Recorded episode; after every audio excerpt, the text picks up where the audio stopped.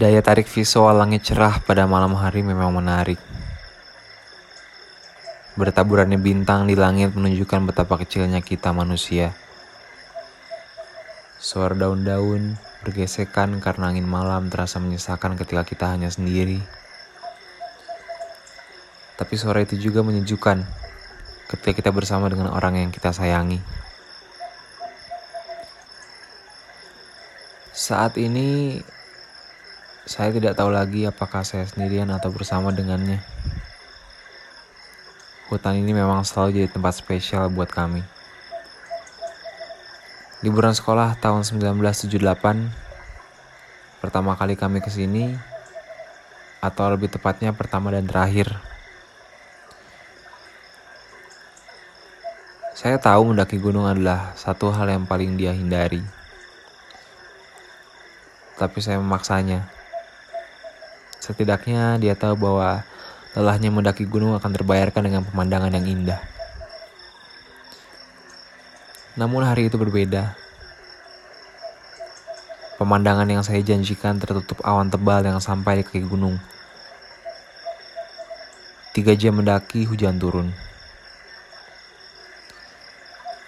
Kami berpas-pasan dengan orang-orang yang akhirnya menyerah dan memilih turun.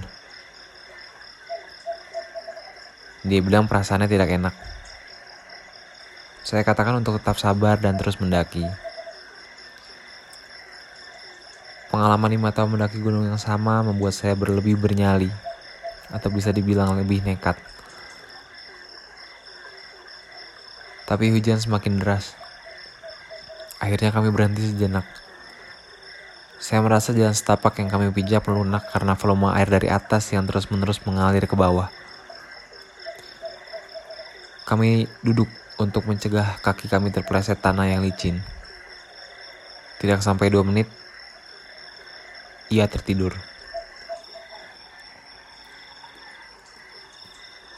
Setengah jam kemudian, hujan mereda, tetapi ia tertidur sepulas. Mukanya pucat, suhu tubuhnya rendah sekali.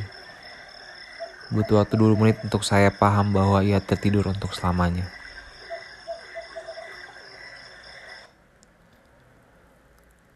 Saya mencari bantuan, teriak-teriak seperti orang yang hilang akal. Tapi seakan semesta tidak lagi berpihak pada saya. Akhirnya saya berlari menapaki jalan setapak. Cukup jauh ke atas, saya tahu ada posisi istirahat. Saya berjalan ke sana. Tertatih-tatih. Sesampai di sana, pos itu kosong. Tidak ada tenda, tidak ada tanda-tanda pendaki yang lain. Saya terus berusaha mencari keberadaan manusia lain.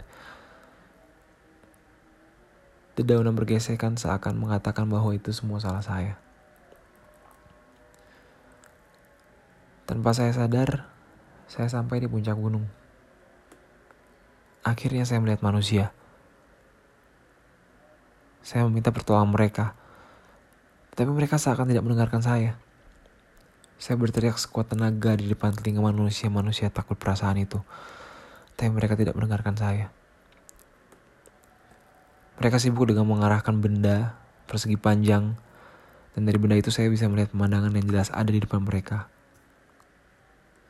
Mereka tertawa bersukaria. Dan ada beberapa di antara mereka yang berbicara pada benda tersebut seakan ada lawan bicara dalam benda itu. Saat itu juga saya sadar ada yang memperhatikan saya lewat benda aneh itu.